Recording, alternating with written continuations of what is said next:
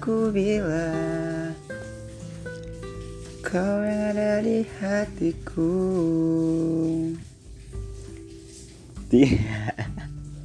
Kenapa jadi nyanyi? Jadi itu adalah salah satu uh, lagu kesukaan gue dulu Ketika masih galau ya. Tidak ada hubungannya tapi sama sekali dengan konten kita pada hari ini.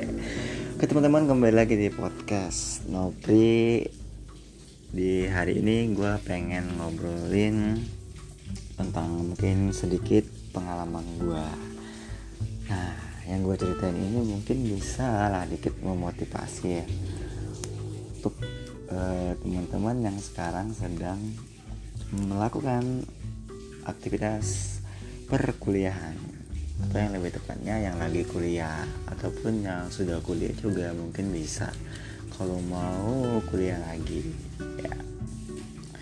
sebenarnya kalau ngomongin kuliah tuh uh, menurut gue kuliah tuh masa-masa yang paling enak. Sehabis SMA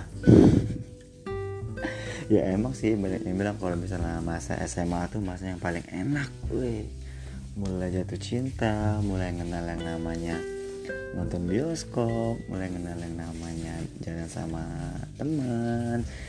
Tapi menurut gue eh, masa-masa terindah gue mungkin itu ketika kuliah. Nah ngomong-ngomongin kuliah tentunya setiap orang pasti mau banget yang namanya nyelesain kuliah. Apalagi yang namanya mau nyelesain skripsi skripsi gitu. Gue masih inget banget tuh ketika gue masih kuliah itu gue masih semangat banget. Wah gue lulus nih kuliah semester 1 gitu. Tapi ketika udah mulai semester 5 semester 6 rasanya ya Allah pengen cepet-cepet keluar aja gitu. Karena capek gitu. Kuliah itu capek. Nah, terus juga uh, setiap orang itu pasti pengen yang namanya lulus sesuai dengan target atau lulus dengan cum laude. Nah, jadi gue kasih tahu dulu teman-teman, cum laude itu adalah uh, predikat atau prestasi yang diberikan kepada dari perguruan tinggi kepada seorang mahasiswa. Dikarenakan bisa ngelewatin masa kuliah dia dengan tepat waktu dan dengan nilai yang mungkin gede.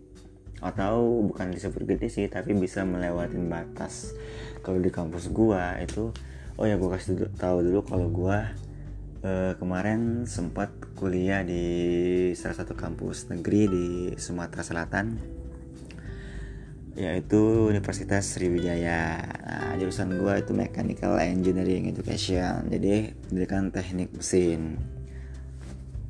Kenapa gue ngambil teknik mesin ya karena gue dari IPA kemarin itu ya nggak sengaja juga lulus di mesin. Emang lulusan di sana mau diapain ya kan. Nah terus untuk ini sendiri itu gue nggak tahu ya kalau di setiap kampus tuh kayak gimana. Cuma kalau di kampus gue untuk mendapatkan predikat lulus dengan kamlot atau dengan pujian itu kita minimal harus mendapatkan IPK 3,5 ke atas.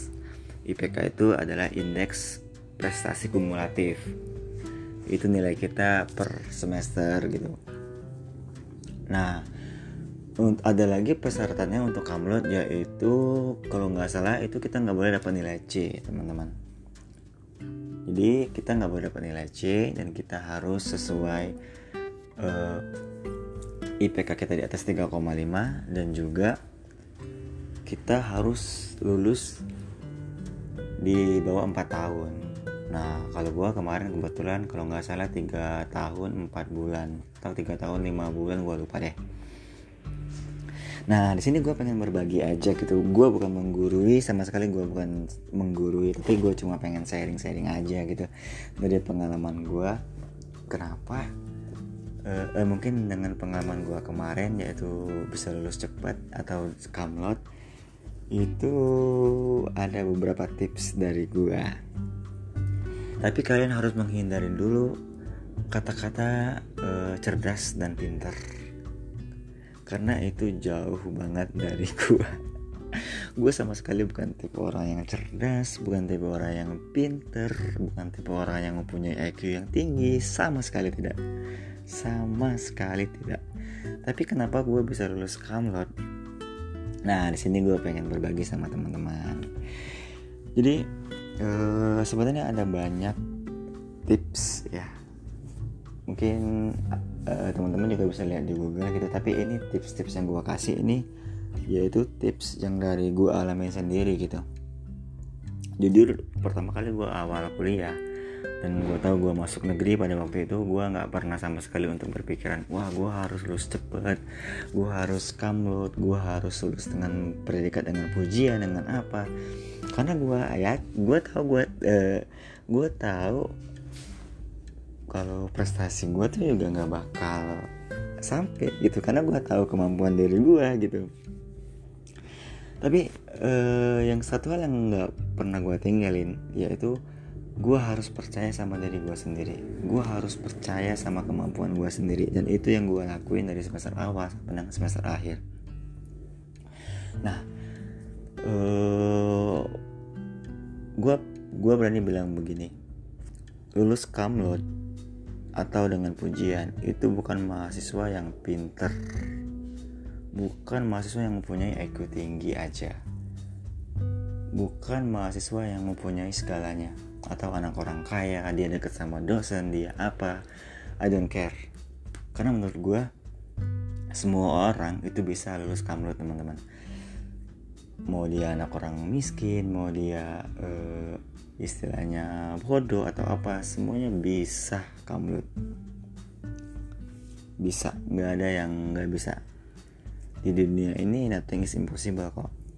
Nah kalau tips dari gue sendiri ini gue mempunyai berapa tips ya 1, 2, 3, 4, 5, 6, 7 Mungkin ada 8 tips teman-teman Untuk uh, bisa lulus kamlut Berdasarkan pengalaman gue yang kemarin Iya. Yeah. Jadi uh, eh, gue kasih lagi kalau gue tuh dari awal tuh sama sekali nggak berpikiran untuk bisa lulus kamar itu bahkan gue cuman uh, berharap ya udah gue bisa lulus lulus gitu gue bisa jadi sarjana dan gue bisa dapat kerja. Intinya gue harus dapat kerja.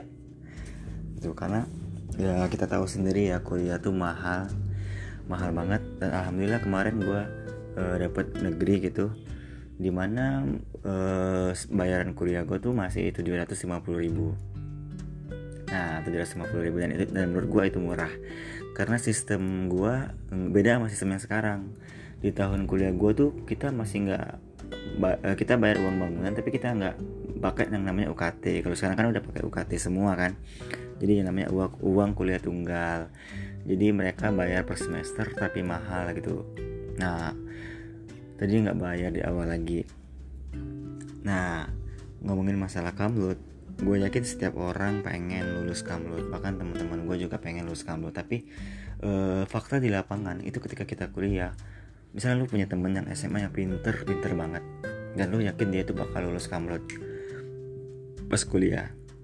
Belum tentu. Bahkan lu ada temen yang dia tuh bodoh banget. Bahkan dia tuh anjir kok dia bisa lulus negeri sih? Gitu-gitu kan. Kok dia bisa uh, kok dia bisa uh, masuk kampus yang bagus sih? Gitu gitu kan. Ya gue yakin teman-teman juga berpikiran kayak gitu. Karena gue juga berpikiran kayak gitu. Tapi uh, apakah dia bisa lulus dengan kamlut bisa dia bodoh bisa lulus kamlut gue bilangin ulangin bisa banget. Karena uh, balik lagi yang gue bilang dari awal tadi kalian cuma butuh yakin dengan kemampuan diri kalian sendiri. Kalian uh, jangan sekali-sekali ngeremehin diri kalian sendiri kalau kalian tuh nggak bisa. Kalian itu bisa kok bisa banget. Asal uh, kalian yakin dengan kemampuan diri kalian sendiri gitu. Nah kalau tips dari gua uh, yang pertama untuk supaya bisa lulus kamlut teman-teman yang pertama kalian harus bisa memanage waktu kuliah dan organisasi. Ya, maksudnya gimana tuh? Jadi, gue yakin banget ketika kita dulu masih zaman zamannya baru masuk jadi maba, mahasiswa baru, semua organisasi pengen kita ikutin kayak gue mulai dari badan eksekutif mahasiswa dulu gue pengen ikut mapala dulu gue pengen ikut pramuka dulu gue pengen ikut English club dulu gue pengen ikut uh, cabang olahraga gue pengen ikut ini gue pengen ikut itu gue pengen ikutin semuanya. Tapi uh, bisa sih kalau misalnya teman-teman mau aktif di semua organisasi itu bisa bisa banget. Tapi menurut gue teman-teman tuh harus pinter-pinter memilih organisasi. Ya benar. Kayak misalnya organisasi-organisasi yang sebisa mungkin tuh nggak uh, ngeganggu uh, apa sih gue bilangnya? Rutinitas lu gitu. Ya rutinitas kita sebagai aktivitas akademika yaitu kuliah gitu. Kalau organisasi itu cuman uh, ruang tambahan kalau menurut gue karena uh, di organisasi itu sih emang penting karena itu bisa menambah wawasan kalian menambah teman-teman menambah uh, ilmu pengetahuan. Cuma di sini gue tekenin sekali lagi uh, jangan pernah ninggalin yang namanya uh, kewajiban lu yaitu kuliah. Jadi kalian boleh ikut gue nggak ngelarang kalian nggak boleh ikut badan eksekutif mahasiswa atau e, mapala atau pramuka dan lain sebagainya. Gue saranin ikut boleh ikut. Cuma di sini kalian harus bisa memanage waktu memanage waktu dalam artian e, eh, gue paham banget di organisasi itu ada di masa di mana ya lo harus ikut acara itu. Tapi di sisi lain lo ada kuliah gitu. Nah itu kan bingung itu kan udah nganggu jadwal kewajiban lu gitu. nah balik lagi di sini tipsnya yaitu lu harus bisa memilih organisasi organisasi yang penting menurut lu organisasi yang bisa menunjang uh, prestasi lu. Tapi juga tidak mengganggu aktivitas lu. Kayak dulu gua gua dulu pernah ikut uh, namanya badan eksekutif mahasiswa tapi setelah gue jalanin ah menurut gue uh, bagus sih. Gue cuma pengen ngambil ilmu uh, linknya. Gue pengen ngambil public speakingnya.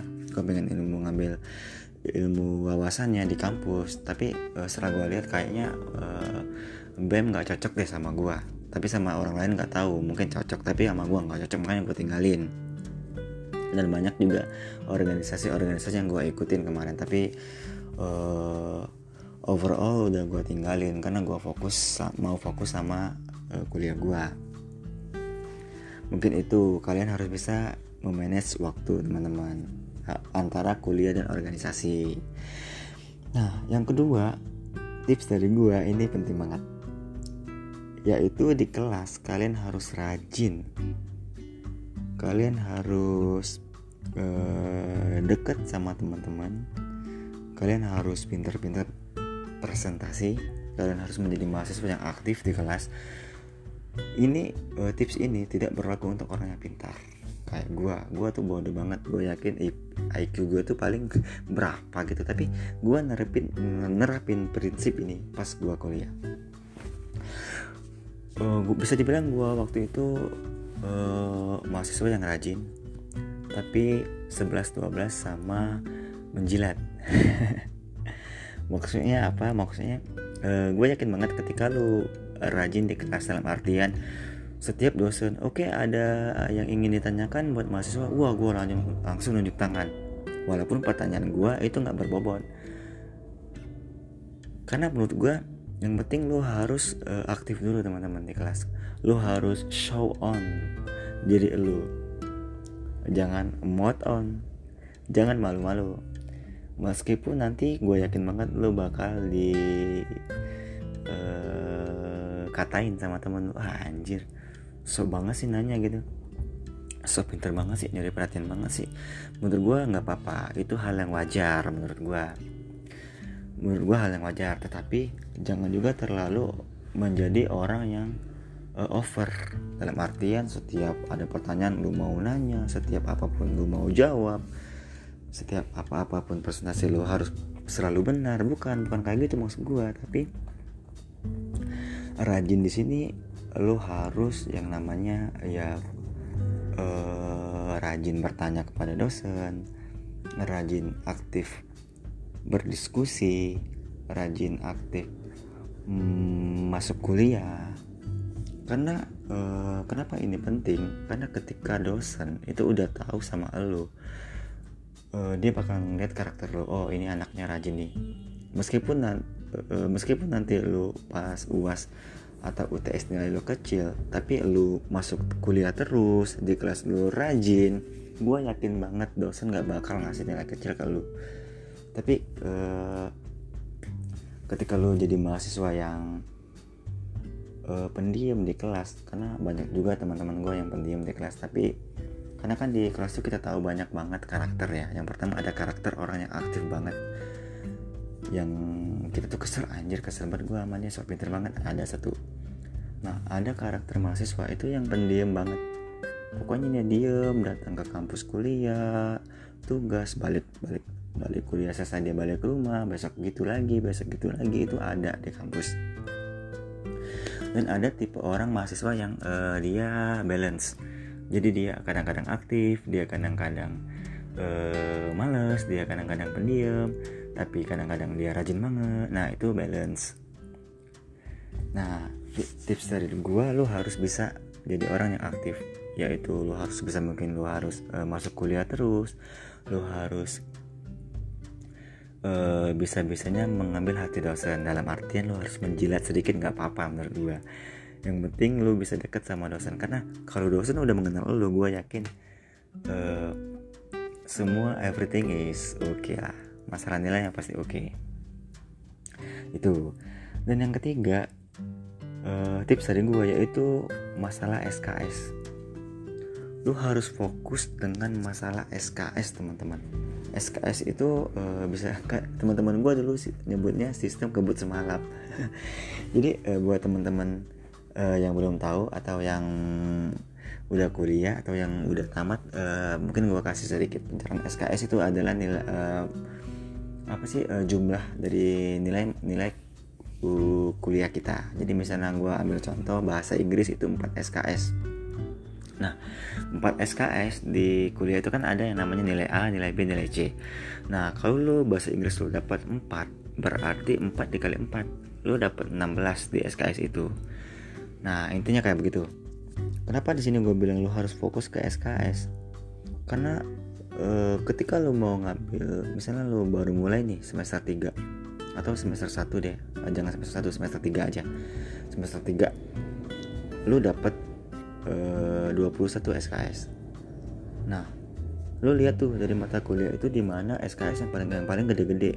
Kayak misalnya, oh ada nih matematika 3. Oh, bahasa Indonesia 2 Nah, sebisa mungkin SKS yang gede ini lo harus tembak di sana nilainya gede. Kalau bisa lo dapat A di situ. Kenapa? Karena jujur SKS yang gede itu bakal berpengaruh banget ke IPK lo, indeks prestasi kumulatif lo. Ketika lo dapat nilai kecil di IPK yang di SKS yang gede, otomatis ke semester atasnya lo bakal susah. Alhamdulillah waktu gue kuliah dulu gue uh, gue gue tembak banget tuh yang mata kuliah yang kayak begitu. Apalagi kalau awal-awal kan masih mata kuliah umum tuh kayak agama pancasila MKU MKD itu kan masih umum banget. Kayak masih belajar bahasa Inggris bahasa Indonesia. Itu kalau bisa lu harus dapat A semua teman-teman. Gimana caranya lu bisa dapat A? Ya lu ikutin tips dari gue tadi. Lu nggak perlu pinter kok. Dan gue akuin gue bukan orang yang pinter sama sekali. Bukan tapi gue orang yang yakin dengan diri gue sendiri kalau gue bisa gitu dengan cara ya gue rajin datang kuliah gue rajin aktif di kelas gue yakin uh, eh, gue jilat sedikit dosen gitu. Nggak apa-apa nggak apa-apa. Bahkan dulu gue disebut di kelas itu wah no prima oh, presentasi mah emang jago tapi emang isinya nggak ada. Maksudnya ketika gue jawab pertanyaan teman gue pas gue presentasi itu gue lihai banget. Gue tuh hebat banget gue jelasin dari awal oh bla bla bla bla tapi yang gue jelasin itu muter-muter doang tapi I don't care gue nggak peduli di situ karena poinnya yang penting lu bisa ngomong dulu. Ketika lu udah lancar ngomong ketika lu udah uh, ketika lu udah bisa meyakinkan diri sendiri dan audiens di kelas benar atau salah itu urusan belakang. Karena dosen udah ngelihat wah ini anak emang bodoh tapi dia kayaknya pinter juga nih. Nah gitu lah kira-kira.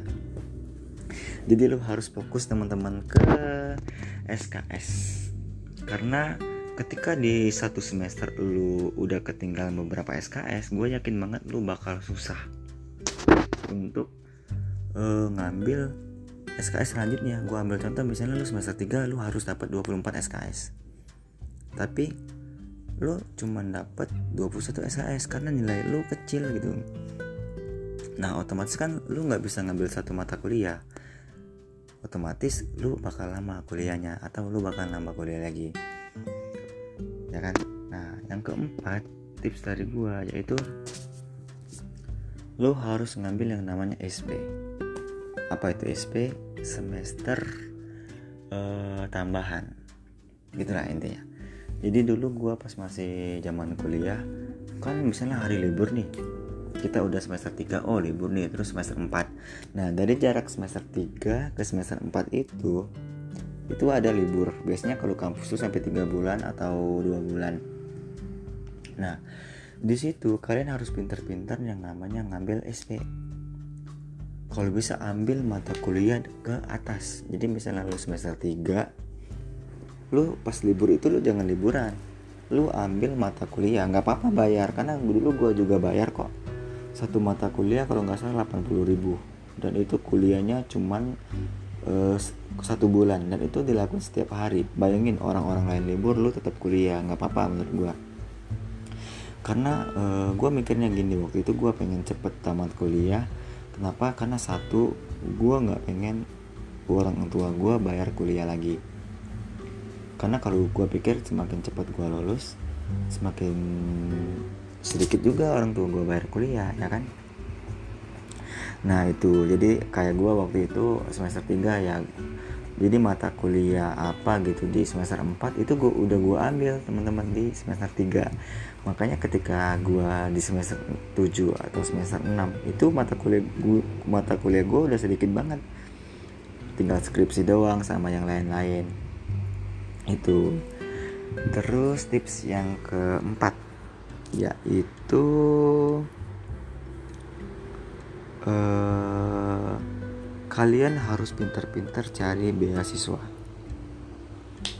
Alhamdulillah dulu gue sempet dapet beasiswa apa ya namanya beasiswa prestasi deh. Kalau nggak salah itu ya gue iseng-iseng aja gitu. Apalah sih gue cuma remahan proyek doang gitu dibandingin dengan teman-teman yang lain yang IPK-nya gede-gede gitu. Tapi ya gue yakin aja gitu jadi gue kasih tahu buat teman-teman beasiswa itu banyak banget di kampus. Banyak banget beasiswa. Tapi tinggal gimana kita mau ngurusnya? Tinggal gimana kita mau mencari info-info tentang itu gitu. Ya kalau lu sendiri males nyari info tentang beasiswa lu males ngumpul-ngumpulin syarat-syaratnya lu males uh, ngerjainnya ya lu nggak bakal dapat beasiswa menurut gua. Kayak waktu itu gua sempet daftarin semua tuh gue tahu IPK gue kecil gue daftar beasiswa Perancis. Kalau nggak salah akhir uh, beasiswa. Gue daftar beasiswa Pertamina gue daftar beasiswa tambang gue daftar beasiswa uh, Konoku Philips uh, beasiswa Jarum semester 4 dan alhamdulillah tidak ada yang lolos. Tidak ada yang lolos tapi alhamdulillah waktu itu gue dikasih rezeki uh, eh, gue lolos tuh yang namanya beasiswa akademik. Nah beasiswa akademik itu ya lumayan lah sekitar berapa juta waktu itu uh, bisa gue bayarin semesteran semesteran gue waktu itu. Nah terus juga uh, kenapa gue bilang kalian harus cari beasiswa? Karena di situ nanti bakal ada link-link yang muncul dari situ. Kayak waktu itu gue karena ada beasiswa waktu itu di kampus gua ada lomba yang namanya uh, metode penelitian membuat yang namanya uh, karya ilmiah. Nah waktu itu gua kepilih tuh jadi mahasiswa berprestasi tapi pas sampai di tingkat fakultas doang. Di tingkat uh, universitas gua kalah. Karena waktu itu menurut gua dan gua akuin sih karena uh, karya ilmiah gue waktu itu masih belum pas banget dibandingkan dengan teman-teman yang lain. Uh, istilahnya judulnya masih receh lah gitu. Tapi eh, gue bangga banget karena gue nggak ngambil menangnya gue nggak ngambil eh, juaranya. Tapi gue bangga kenapa? Karena gue gue bisa nyakinin diri gue gitu bahwa diri gue bisa gitu ternyata dengan IQ yang kecil gini dengan orang yang biasa gini ya gue bisa jadi bahkan gue dua kali ikut jadi mahasiswa berprestasi waktu itu di kampus. Nah tips yang keenam untuk bisa lulus kamlut yaitu uh, pinter-pinter memilih teman. Ya di sini gue nggak ngajarin lu harus milih teman yang pintar ya uh, menurut gue berteman itu sama siapa aja? Berteman sama orang yang biasa di kelas berteman dengan orang yang dengan orang yang pintar dengan orang yang uh, pendiam banget itu sah-sah aja boleh aja. Kenapa? Gue bilang ha, lo harus uh, banyak teman karena teman-teman lo ini bakal ngebantu lo nanti di ketika lo menuju ke kelulusan dalam artian gini. Kan nanti ketika dari semester 1 sampai ke semester 5 lo kuliah masih bareng nih sama teman-teman lo tapi ketika lo udah masuk ke semester 6, 7 dan 8 itu ada teman-teman lo yang udah nggak kuliah sama lo lagi. Atau beda kelas karena nilainya kecil karena dia nggak bisa ngambil SKS nah di sini mulai nih bisa-bisa nih teman-teman lu. Nah ketika lu mau punya attitude yang bagus atau link yang bagus gua uh, teman-teman lu bakal bisa ngebantu lo ketika lu bakal ada masalah. Dalam artian misalnya nih lu udah masuk ke semester 6 dan di situ ada mata kuliah statistik. Dan lu uh, berkenalan dengan baik atau berteman dengan baik dengan satu teman lu yang pinter statistik. Wah di sini lo bakal bisa uh, nanya sama dia lo bisa uh, belajar sama dia. Coba lo bayangin kalau lo nggak berteman sama dia. Wah buset dah. Udah bodoh nggak dicontekin. Susah kan? Jadi intinya teman-teman kalian harus bisa jaga attitude sama teman-teman kelas kalian. Dan alhamdulillah sih eh, gue dulu pas masih kuliah ya nggak ada sih gue musuh. Bahkan menurut gue gue nggak ada musuh sama sekali. Alhamdulillah. Wah udah 20, 27 menit ngomongin kamlet keren gokil. Apalagi ya uh, Mungkin ini tips-tips yang terakhir ya. Yaitu tips yang terakhir.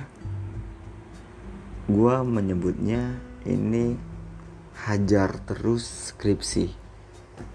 Why?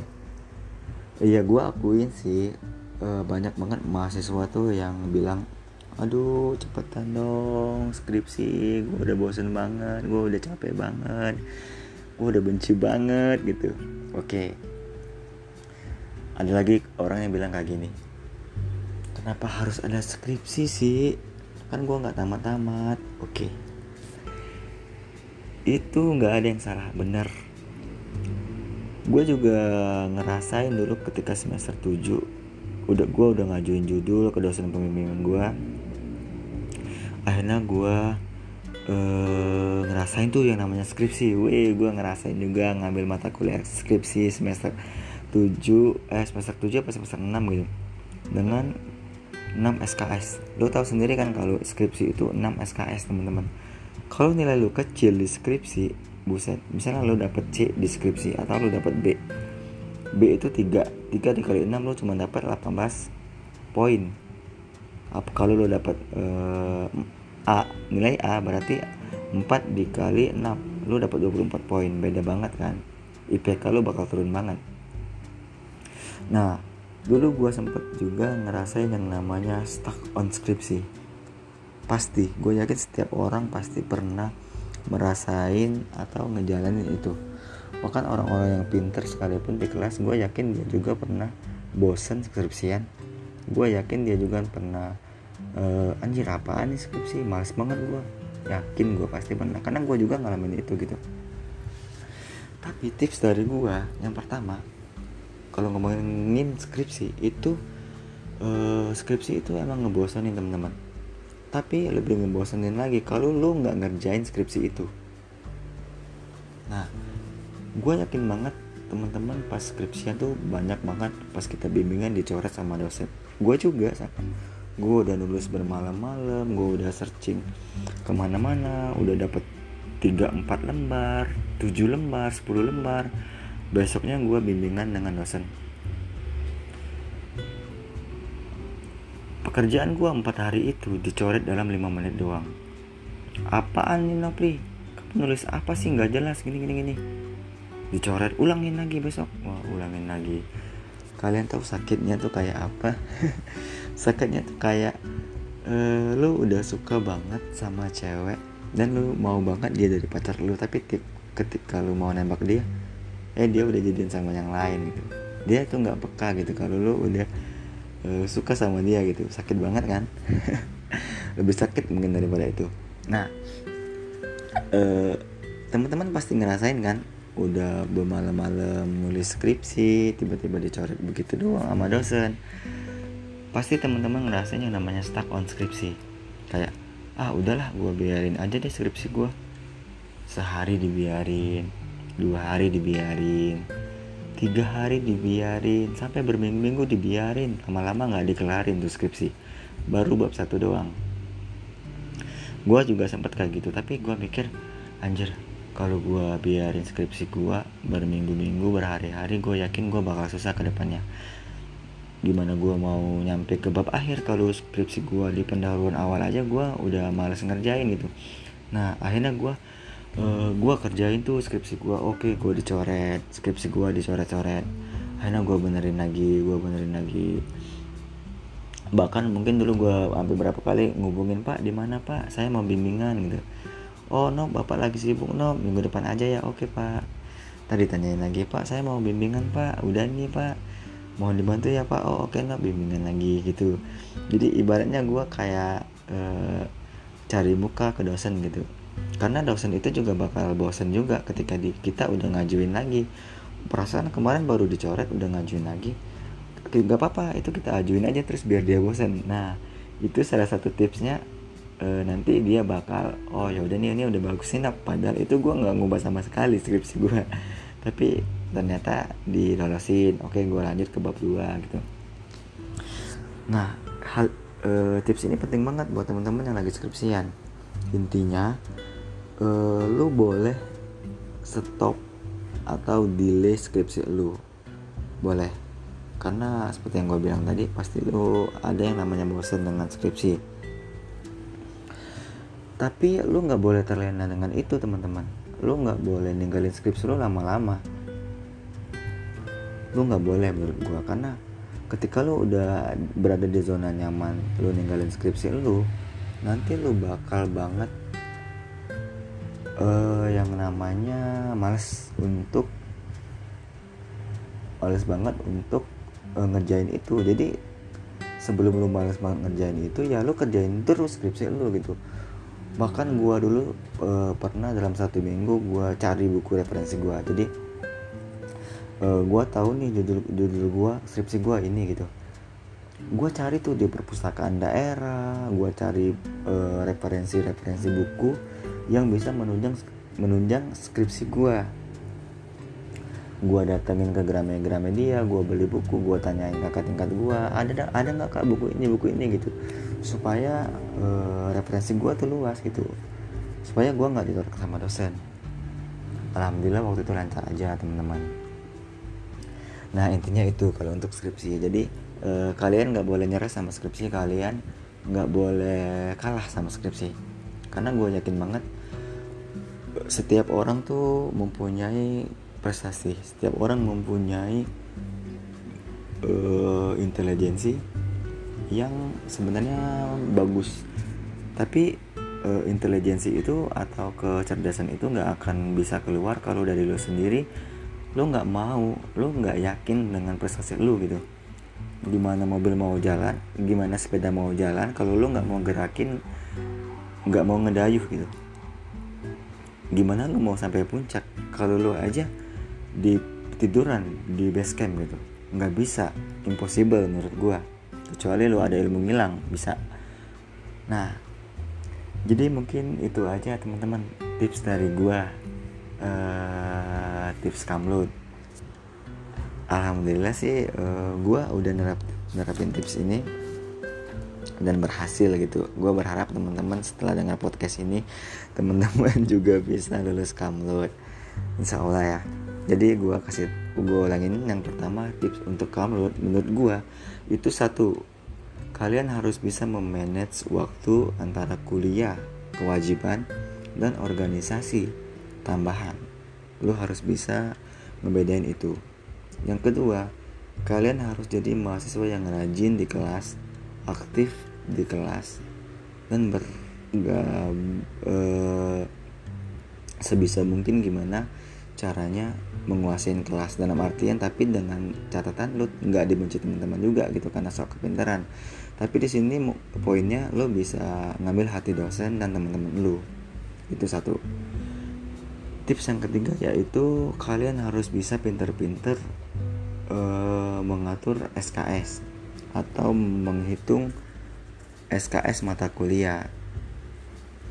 Seperti yang gue bilang tadi uh, kalian sebisa mungkin di mata kuliah itu kalian harus dapat nilai yang bagus. Kalau misalnya SKS yang gede atau kalau misalnya lo dapat nilai yang kecil lo harus ngulang mata kuliah itu kayak gue dulu ngulang mata kuliah matematika sampai dua kali. Karena gue akui gue bodoh di hitungan teman-teman. Bayangin aja gue matematika dapat D tapi gue lulus kamlot kenapa? Karena gue yakin uh, eh, gue bisa gitu. Akhirnya gue ulangin. Gue kuliah matematika sama semester yang bawah gue ada tingkat gue malu banget gue tapi alhamdulillah dapat B kalau nggak salah matematika gue tips yang keempat yaitu kalian harus bisa yang namanya ngambil SP semester pendek. Jadi mata kuliah di atas itu kalian ambil di mata di kuliah bawah. Jadi misalnya mata kuliah semester 4 kalian ambil di mata kuliah semester 3 ketika libur kuliah. Nah, supaya bisa memangkas uh, eh, SKS lu. Tips yang kelima lu harus pinter-pinter bergaul yang pertama menjaga attitude sama teman-teman menjaga attitude sama dosen menjaga uh, sikap sama sivitas akademika. Karena di sini bakal menunjang banget lu bakal bisa lulus dengan baik ketika lu punya link-link yang luas gitu. Gue yakin banget ketika attitude lo udah bagus sama dosen nggak mungkin dosen bakal ngasih nilai lo kecil. Nggak mungkin kecuali dosen killer ya kan? Dosen yang nggak ada hati nah tips yang terakhir yaitu hajar skripsi. Yang gue bilang tadi lo nggak boleh nyerah sama skripsi. Karena skripsi bukan momok yang menakutin menurut gue ketika lo udah ketemu zona nyaman itu.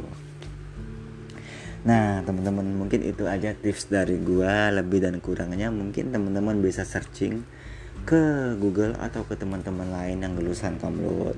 Mungkin di sini gua cuma ngasih pengalaman gua aja yang alhamdulillah kebetulan gua waktu itu bisa lulus Kamlut di fakultas gua. Intinya eh gue pengen ngasih satu quotes tentang kuliah. Karena gue jujur gue kangen banget kuliah. Sekarang gue udah kerja tapi menurut gue masa-masa kerja tuh ya lo nerima gaji lo ini. Tapi nggak sebanding dengan masa-masa kuliah dulu gitu di mana lo harus bolos kuliah main sama teman-teman lo harus datang pagi-pagi cuma buat ujian doang. Itu momen-momen yang menurut gue nggak bakal dilupain.